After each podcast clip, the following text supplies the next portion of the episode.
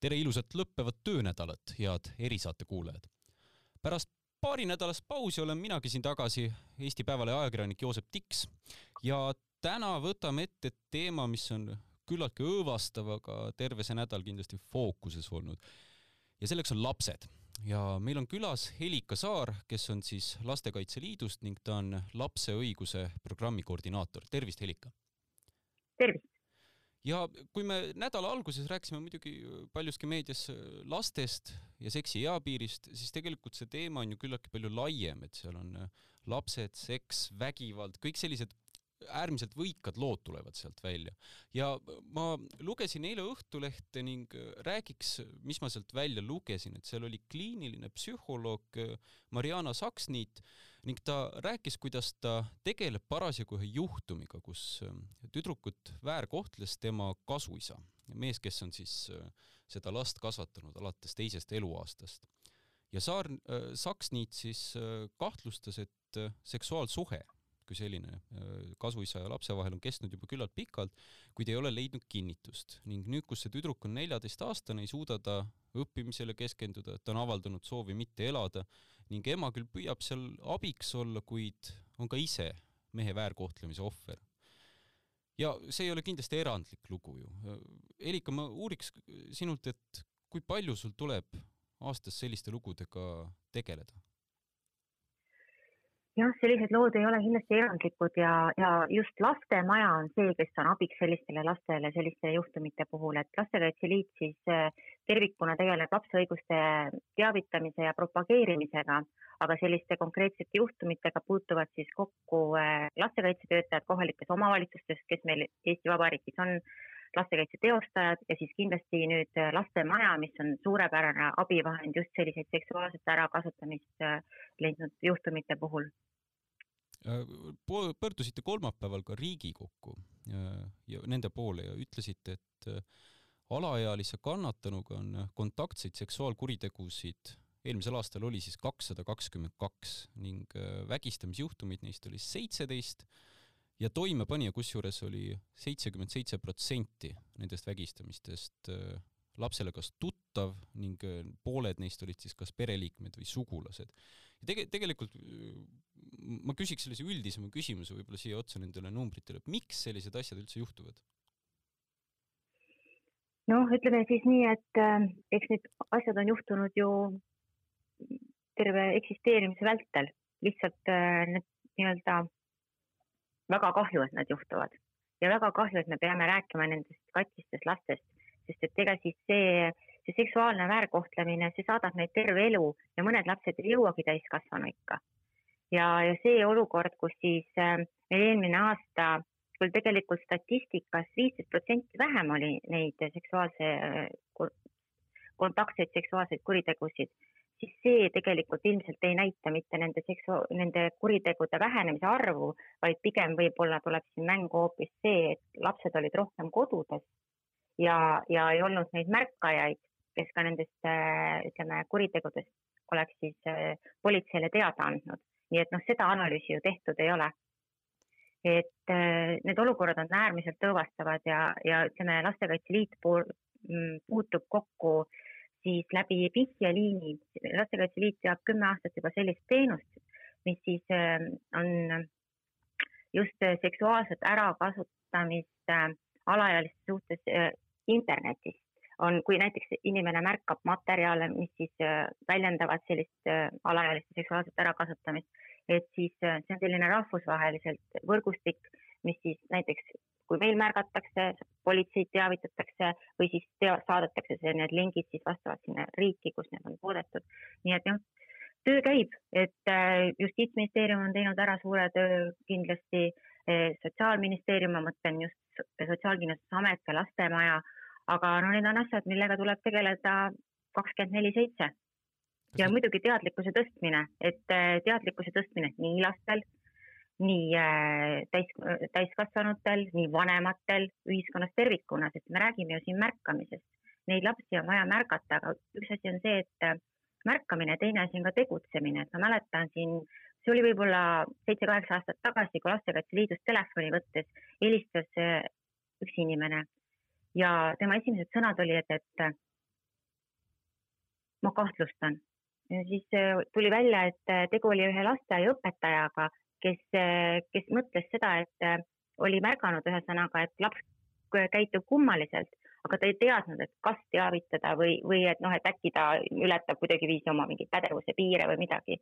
alati, kui kellelgi on, kui kellelgi on kahtlus ükskõik millise väärkasutamise puhul, tuleb teavitada kas siis kohalikku omavalitsust või siis politseid või meil on ka lasteabi eh, number üks, üks, kuus, üks, üks, üks, kuhu tuleb teada anda, sest tegelikult seaduse kohaselt on igal abi vajava lapse puhul igalühel meist kohustus teatada. nii, nii tänaval olijal, nii naabritädil, treeneril, õpetajal, kooliõel, pereõel, kellel iganes nii et selles mõttes tegelikult meie kõik saame aidata kaasa, et neid lapsi vähem oleks. kas need kakssada samas kaks... muidugi. kas need kakssada, kakssada kakskümmend kaks last, kas nad, kas nemad enamasti ise pöördusid või, või oli ümberringi, kes märkas? vot selles mõttes, et äh, meie sellist informatsiooni ei oma Lastekaitse Liidus, et kuidas nemad jõudsid nii-öelda siis, et äh, see on ilmselt väga-väga mitmetel erinevatel viisidel. lastel on võimalus ka loomu-, selles mõttes, et kindlasti nende hulgas on ka lapsi kes on ise pöördunud. sest et näiteks eh, ma siin toon kohe jälle paralleeli eh, Lastekaitse Liidust, kuidas meile telefonile ja meilile on eh, helistanud lapsed, kes on mures oma sõprade pärast. kas on siis olnud näiteks kehalist karistamist või on olnud täpselt sedasama seksuaalset ärakasutamist, aga laps ise ei julge pöörduda, aga sõbrad on tublid ja näevad, et siin on vaja sekkuda ja on andnud ise teada. nii et noh, meie roll on siis juba edasi teavitada loomulikult asjaomaseid instantse aga, aga siin ma tõin praegu sisse selle kehalise karistamise, mis on tõesti tegelikult jätkuvalt väga suur probleem.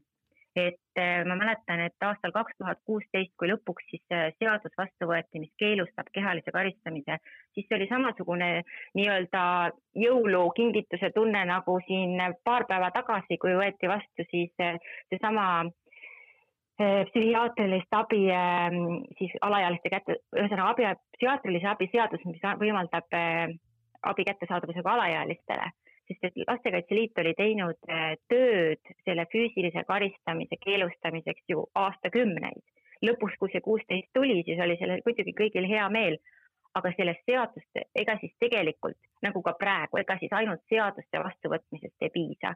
selleks on vaja ju hoopis laiemat äh, laiemat tegevust, on vaja kampaaniaid, on vaja materjale, on vaja vanemate toetamist, vanemlusprogramme. see ja see on järjepidev.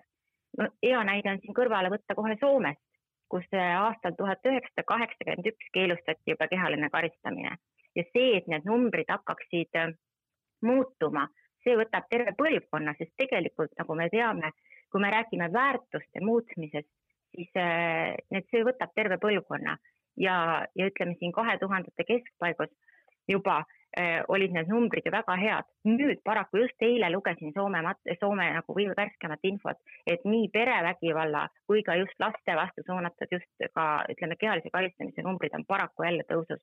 aga see on kindlasti nüüd seotud selle Covid aastaga ja kui ma siin ennem märkisin seda, et Eestis on väga suur äh, number äh, kehalise karistamise toetamise osas, siis see kaks tuhat kaheksateist uuringust selgus, et see on suisa kolmkümmend kuus protsenti täiskasvanutest, kes peab seda endiselt kasvatusmeetmeks.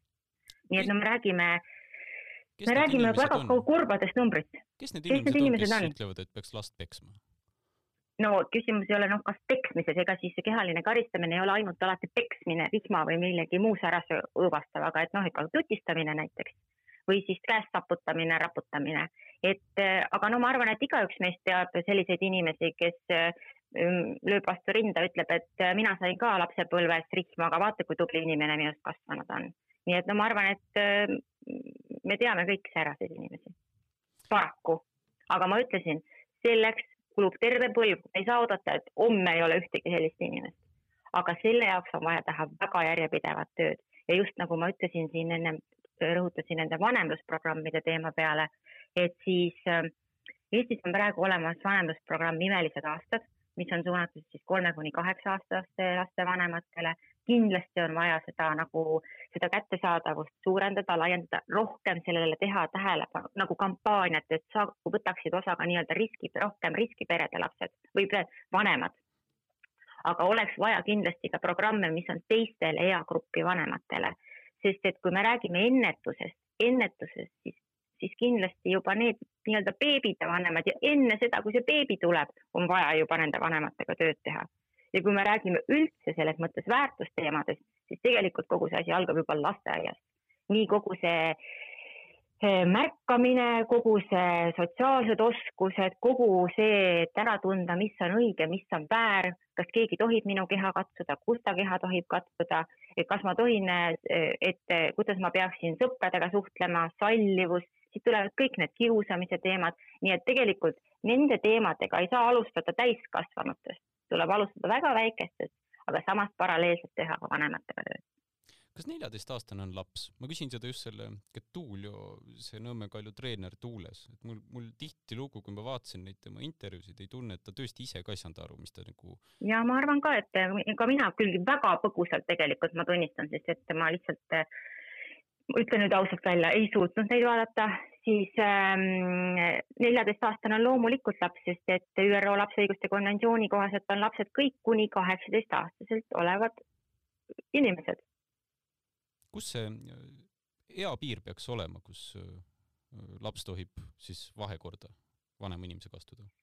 Äh, lastekaitse Liit aastal kaks tuhat üksteist, kahekümne esimesel mail tegi ettepaneku justiitsministrile eapiiri tõstmiseks ja, ja siis ja selleks, et seda diskussiooni ühiskonnas üles tõsta, sest et siin on vaja kaasata, on ju nii spetsialistid, aga ka lapsed ise. ja siis äh, aastate vältel on seda ju aeg-ajalt esile, uuesti esile tulnud ja Lastekaitse Liit on ka nendel kordadel sõna võtnud. Kaks tuhat kaheksateist, kui oli taaskord üks, üks puhang nii-öelda sellel samal teemal ja, ja eel, jälle oli Riigikogus see teema üleval, siis tegime ka oma noortekogus eh, siis väikese küsitluse, sest tegelikult see puudutab väga tõsiselt ju lapse enda, lapse enesemääramise õigust, tema otsus, nii-öelda õigus siis seksuaalvahekorda ju astuda. ja, ja tegime laste seas küsitluse ja vastusteks siis kaks kolmandikku noortest äh, arv, küsitlesime just neljateist kuni kuueteistaastasi lapsi ja kaks kolmandikku arvas, et see iga peaks olema viisteist või kuusteist. nii et selles mõttes äh, kindlasti peaks olema see kõrgem kui neliteist ja Lastekaitse Liit on asunud nüüd äh, seisukohale, et see iga peaks olema kuusteist. mis siin välja, jah Mi-, miks see üldse ja on sa... kogu aeg olnud neliteist? no eks siin on, see on, see, vot ma ei saa teile öelda täpselt, et kust see tuli, et ma tegelikult seda, seda numbri tausta ausalt öeldes vist isegi ei tea. Aga see number on olnud ju väga kaua aega ja, ja seda numbrit on ju tõesti tahetud muuta väga kaua, aga vaatame nüüd selles mõttes uue pilguga, et mm, see, see teema on nüüd uuesti lauda tulnud. Eile pressikonverentsil Tanel Kiik, meie tervise- ja tööminister, andis juba indikatsiooni, et eapiiri tuleb tõsta, sama on äh, väljendanud, ütleme, justiitsminister. ja tegelikult on siin selles kümneaastases tsüklis üks uus muudatus, et meil tegelikult ei ole olnud ennem justiitsministriks juba naist et äh, ma siin, mina arvan, et kõikidel on võrdsed õigused ja võimalused aga kui räägitakse tihti naistest ja naispoliitikutest, siis kuidagi tuleb alati teemaks see, et empaatiat on võib-olla rohkem. ja, ja ma loodan, et äkki, äkki siis, äkki on nüüd olemas selline soodne olukord, kus see, see, see piir ka muutub. ja samas muidugi eh, tuleb, nagu ma olen eelnevalt öelnud, et Eesti ei ole ju ainuke riik maailmas.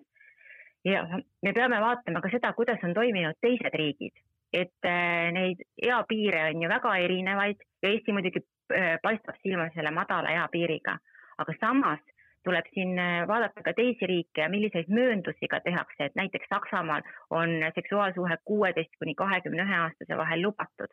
Et selles mõttes, et kui see vahe jääb nagu täisealisega nagu väga väike, et ühesõnaga see diskussioon on alanud, mis on äärmiselt positiivne, esmaspäeval toimub juba Riigikogu Riigikogus arutelu, kuhu on saanud kutse ka Lastekaitse Liit. et selles mõttes, et ma arvan, et see teema on praegu väga tugev, tugevalt laual. väga kahju, et selleks on vaja selliseid äh, situatsioone, nagu meil siin äsja on üles tulnud, aga vahel võib-olla paneb selline asi palli pöörlema mm. -hmm. vahetaksin teemat. Äh, te rääkisite ka oma ettekandes Riigikogus sellele, aga väga teravalt jäi kõlama see, et eelmine aasta võttis endalt elu neliteist alaealist. mis toimub, mis la-, miks ei ole lastel ilusat lapsepõlve, vaid kuidagi rusutud vaim või, või kas see on mingi selline sügavam probleem Eestis, et see ei ole ainult koroona, vaid lastel ongi midagi, mingi juur on katki? jah, et äh, äärmiselt kurb tõesti, et äh, neid oli eelmine aasta neliteist, kus see arv oli ju tegelikult seitsekümmend viis protsenti eelmiste aastate äh, nagu statistikaga suurenenud. ja sellel aastal juba kaks ja mis veel kurvem, et väga suure spurdi on teinud ju ka enesetapukatsete arv, et kui siin nädala alguses helistasin Tallinna lastehaiglasse ja sealt teatati, et ainuüksi neil on olnud sel aastal juba kakskümmend kuus enesetapukatsega last, siis, siis me näeme, et tegelikult ma arvan, et äh, see neliteist ei pruugi jääda kõige kõrgemaks numbriks nende aastate seas. et äh, ja muidugi see, see koroona on üks asi, aga need äh, probleemid laste vaimse tervisega, see depressioon, see ei ole päris uus et selles mõttes, et see on lihtsalt nüüd ütleme võimendunud eh, nagu siin eelmisel aastal ja nüüd, aga tegelikult juba paar aastat tagasi uuringud näitasid, et eh, üheteist kuni kas seal viieteist või kuueteistaastaste seas tehtud uuringust, et eh, peaaegu pooled on depressiivsed, on mõelnud depressiivseid mõtteid ja suisa kakskümmend kuus oli ka mõelnud suitsidiaalseid mõtteid. ja tegelikult meil on kõige suuremas ohugrupis kolmeteist-neljateistaastased teismelised, et, ähm, et koolirõõmu kadumine, rahvusvahelised uuringud on Eestis väga palju juhtinud tähelepanu koolirõõmu kadumisele ja seda just seda, et mida, mida vanemaks laps saab, seda suurem on tema äng. Ja et kui samas peame kurvastusega tõdema, et just siin paar päeva tagasi oli ka üks, üks seminar, kus räägiti seda, et meil tegelikult, mida väiksemad lapsed, tähendab, ütleme, et ka väiksemate laste puhul on ärevushäired tõusnud ja, ja õpetajad ütlevad, et suisa üheteist protsendil lastest, kes tulevad esimesse klassi, on juba teatud indikatsioon vaimse tervise häiretele. et see num-, mis ongi kõige kohutavam, et see laste puhul ainult ka see vanusepiir väheneb, et äh, jah, et see on, see on äärmiselt drastiline ja selles mõttes siin on kin-, väga suured kompleksprobleemid on ju kasvõi äh, teenuste kättesaadavuse puhul, et kui me räägime koolipsühholoogidest, siis koolipsühholoogi on Eestis ainult äh, nelikümmend, nelikümmend kolm protsenti koolidest. et äh, meil ei ole isegi seda situatsiooni, et iga laps saaks võrdselt siis teenuseid ja igal hetkel kasvõi koolipsühholoogi juurde minna nüüd, kus me oleme siis sellises isoleerituses, et äh, kui siin teisipäeval oli saade Suud puhtaks, siis Tai spetsialist ütles, et ähm, selle enesetapu äh, põhjuste kohta ei ole veel uuringuid, et, et kuidas see koroona on mõjutanud ja kas on mõjutanud. siis äh, paar nädalat tagasi Soomes võeti vastu lastestrateegia Vabariigi Valitsuse poolt ja seal rõhutati just seda, et sotsiaalne isoleeritus on olnud lastele väga destruktiivse mõjuga just see, et lastele tähendab väga palju sotsiaalsed suhted, sõpradega mängimine, sõpradega kokkusaamine, koos olemine. et see, kus on nüüd ikkagi aasta aega olnud äh, sellest juba ikkagi väga suur vajakajäämine ja, ja tegelikult ka need lapsed, kes, kellel ennem oli paha, on nüüd kodus, siis ja neil on veel rohkem paha, et siis me need numbrid saamegi, sest et olgem ausad, kodu on lapsele väga suur äh, tugi ja kui seal on halvasti, siis laps, lapsel on veel halvem. et äh, need kodused suhted, et me ei räägi siin ainult riskiperedest ega ei räägi siin, ma räägin siin ka tava, tavasituatsioonist, kui oluline on äh, küsida lapse käest ja päriselt ka temaga rääkida, et siin on viidatud sellele, et tihti on see suhtlus selline formaalne ja et see soe suhe, see soe empaatiline suhe, et, et nagu siin Kristiina Ehin just esmaspäeval Plektrummis ütles, et, et tema jaoks on alati olnud sellise eh, imelise mõjuga või sellise nagu elu mõtet toetav lause, et kas ma saan sinu jaoks midagi ära teha või kas ma saan sind aidata. et vanemad peaksid mõtlema ka sellele, et kui ta teismeline on kapuuts üle pea, et siis võib-olla mitte nagu nagu võib-olla nii-öelda nokkima hakata või, või kurjustama hakata, vaid tegelikult maha istuda ja rääkida nendest küsimustest, mis last vaevavad. sest kaks tuhat viisteist tegi äh, Lastekaitse Liit äh, kolmeteist, neljateist, viieteist aastaste laste seas sellise laste osaluse uuringu pereelus ja mis sealt välja tuli?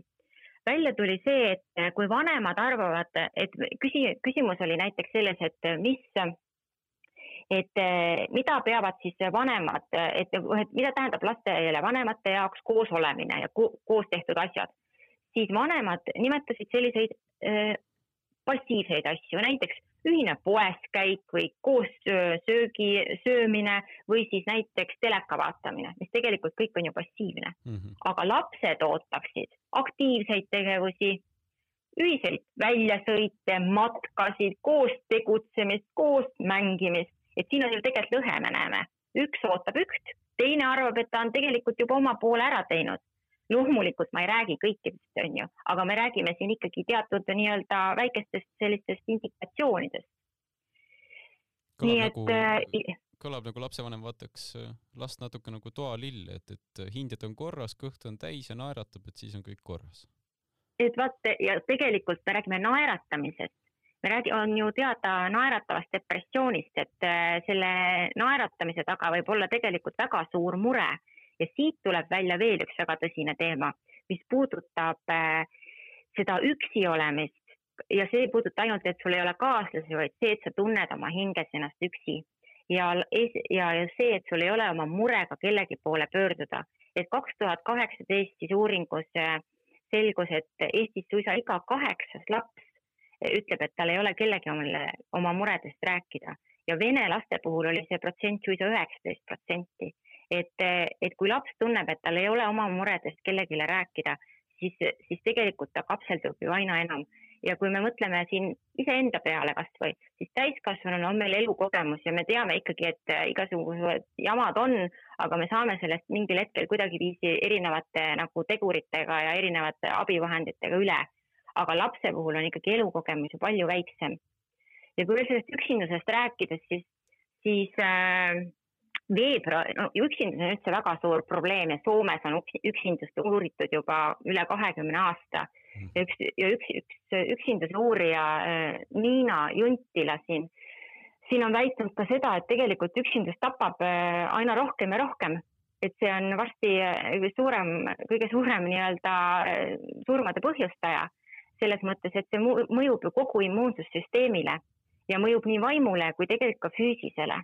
Ja näiteks Jaapanis, kus on ju ka viimasel ajal enesetapu, mis on niikuinii väga kõrge enesetapu eh, statistikaga riik, on ju nüüd siin koroona absoluutselt, et koroona, koroonaperioodil on ju neil nüüd väga suured numbrid üles kerkinud, et kui esimese laine puhul ja ütleme siin aasta lõpupoole oli siin jutt nagu naistest ja noortest, sest et seal on väga tõsine probleem just see läbikukkumise teema.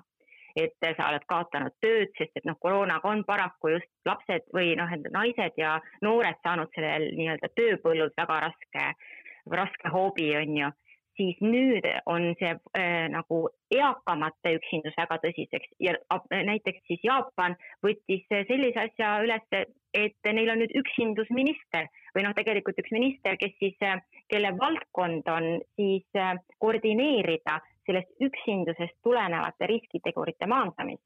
ja huvitav oli see, et näiteks juba kaks tuhat kuusteist on Suurbritannia sedasama teinud. nii et need on sellised teemad, millega on väga tõsiselt vaja teatada tegeleda mm, et see küsimus, et kas ma saan sind kuidagi aidata, peaks tegelikult olema meil nagu igaühel keelil ja meelel, et see ei ole ainult tõesti, et, et mitte ainult nagu vanematel, vaid tõesti ka minul tädina ja, ja naabrinaisena ja kellega iganes, kui sa näed ikkagi, et abi vajavad, vajab su abi. kas on üldse võimalik, et Eestist tuleb mõni aasta, kus ükski noor ei võta endalt elu? Vot seda on ju väga raske prognoosida, et need numbrid on olnud äh, madalad, suhteliselt madalad, aga no ma, olles ikkagi optimist, siis jään ma ikkagi realistiks ja ma kahtlen selles, et see, see niipea tuleb.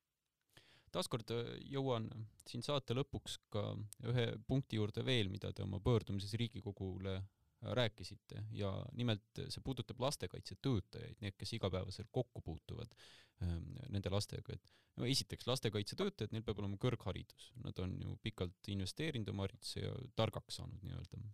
ja tõenäoliselt on ühel lastekaitsetöötajal vist, kui ma õigesti eeldan, hallata kümneid või sadu äh, probleemseid lapsi ning peresid ning äh, töö, mis neil on, on, kui me juba räägime nendest teemadest, mis on üpriski emotsionaalselt rusuvad, siis see on ju nende igapäevatöö.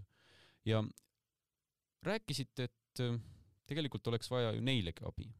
ma ei tea, kui palju neid juurde on vaja, aga mida neil oleks vaja, on palk. kui palju praegu lastekaitsetöötaja üldse palka saab?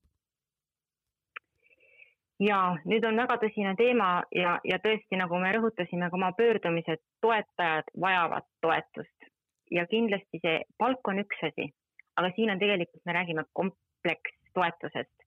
et Lastekaitse Liit on toetanud eh, täiendõppega lastekaitsetöötajaid aastast kaks tuhat kolmteist, kui alustasime neile siis sellist õigusalast seminaride sarja samal poolel lapse poolel.